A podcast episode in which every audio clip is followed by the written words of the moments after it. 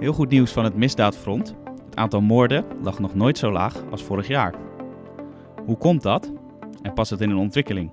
We gaan het bespreken met Gerlof Leistra, misdaadverslaggever van Els 4 Weekblad, die al sinds 1992 de meest uitgebreide moordlijst van Nederland bijhoudt. Mijn naam is Matthijs van Schie. Goed dat u weer luistert naar een nieuwe podcast van Els 4 Weekblad. Gerlof, welkom. Uh, wat is jou opgevallen bij de moorden van 2018? Nou, allereerst de, de daling. Het zijn er 106. Vorig jaar, 2017 moet ik dan zeggen, waren het er 160. Dus een forse daling. Maar het is zelfs het laagste aantal sinds wij in 1992 begonnen zijn met eh, de jaarlijkse registratie van het aantal moorden. Dus ja, heel goed nieuws. Ja, dat is ook wel verrassend, denk ik. Uh, wat valt het meest op? Ja, verrassend. Het, het sluit aan bij een al langer lopende trend. Uh, die, uh, vanaf 1992 tellen we het, uh, hadden we in die jaren zo, zo 280 moorden per jaar. Rond 2000 daalde dat naar rond de 200 en dat zette zich door naar rond 150. 2017 even die uitschieten naar 160, nu 106. Ja, dat is op zich al opvallend. Overigens sluit dat wel aan bij andere Europese landen. Je ziet het overal dat, dat het daalt. En dan is de volgende vraag natuurlijk, waar komt dat door? Ja, precies, dat wilde ik je net al vragen, maar je maait het uh, gras voor mijn voeten weg. Dus bij deze, waar, waar komt het door? Ja, een van de verklaringen is de vergrijzing. Uh, mensen worden ouder, er zijn meer ouderen. Ja, ouderen gaan minder uit, hè, dus komen minder in situaties waar geweld wordt gebruikt, uitgaansgeweld bijvoorbeeld.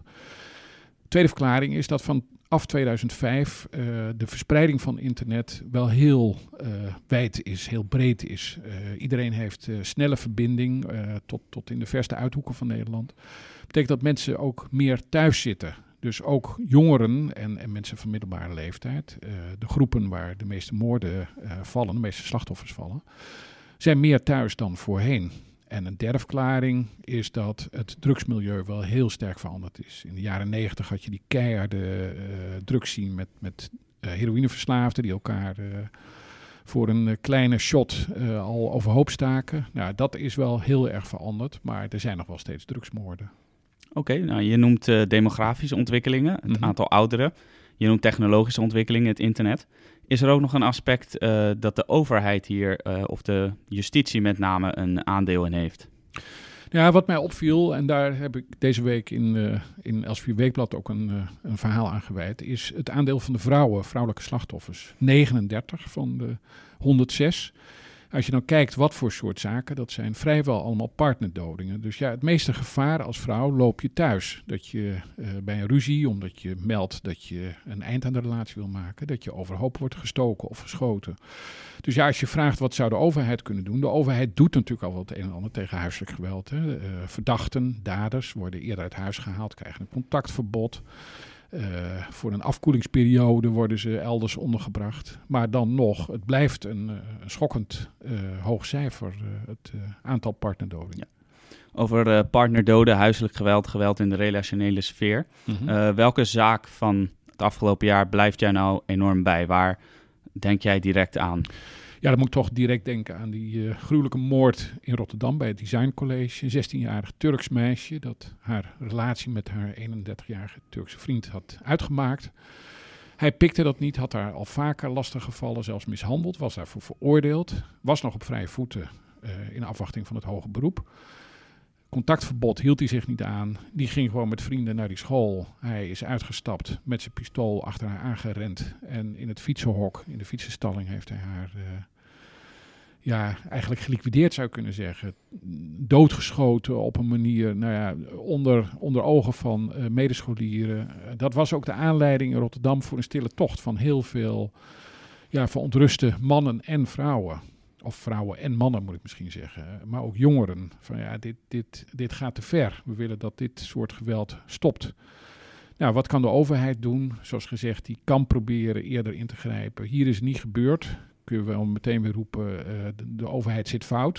Het was natuurlijk de, die 31-jarige meneer die, uh, die schoot. Maar daar zou wellicht nog meer te halen vallen. Als je dat, dat cijfer nog verder omlaag wil brengen, dan moet je vooral naar de partnerdodingen kijken. Ja, we eindigen met een wat uh, vervelende gebeurtenis. Maar al met al is 2018 dus een jaar geweest waarin nou ja, we al met al kunnen zeggen dat het aantal moorden flink is gedaald. Of mm -hmm. althans minder is geweest. En nou ja, dat is reden tot optimisme. Zeker. Of Ja. is dat slechts een, nou ja, een momentopname? Nee, het is geen momentopname. Het sluit, wat ik eerder zei, aan bij een al langer lopende trend die we ook in andere Europese landen zien. Maar de grote vraag is natuurlijk, wat is de ondergrens? Het zal nooit eh, tot nul komen. Er zullen altijd moorden gepleegd worden. Maar zo, zo rond de 100, 110, dat lijkt nu wel de nieuwe ondergrens. Terwijl de bevolking sinds 1992 wel fors is gegroeid met, met 2 miljoen. Dus uh, meer mensen en minder moorden. Ja, heel goed nieuws. Ja, nou, goed nieuws. Uh, mooi om mee af te sluiten. Gerlof, hartelijk dank voor deze uh, informatieve podcast. En wilt u nou meer weten, meer lezen over het aantal moorden? koop dan nu de nieuwe Elsevier Weekblad met de moordlijst 2018 daarin. Die ligt deze week weer in de winkel. Volgende week zijn wij weer terug met een nieuwe podcast. Mijn naam is Matthijs van Schie en ik dank u hartelijk voor het luisteren. En tot volgende week.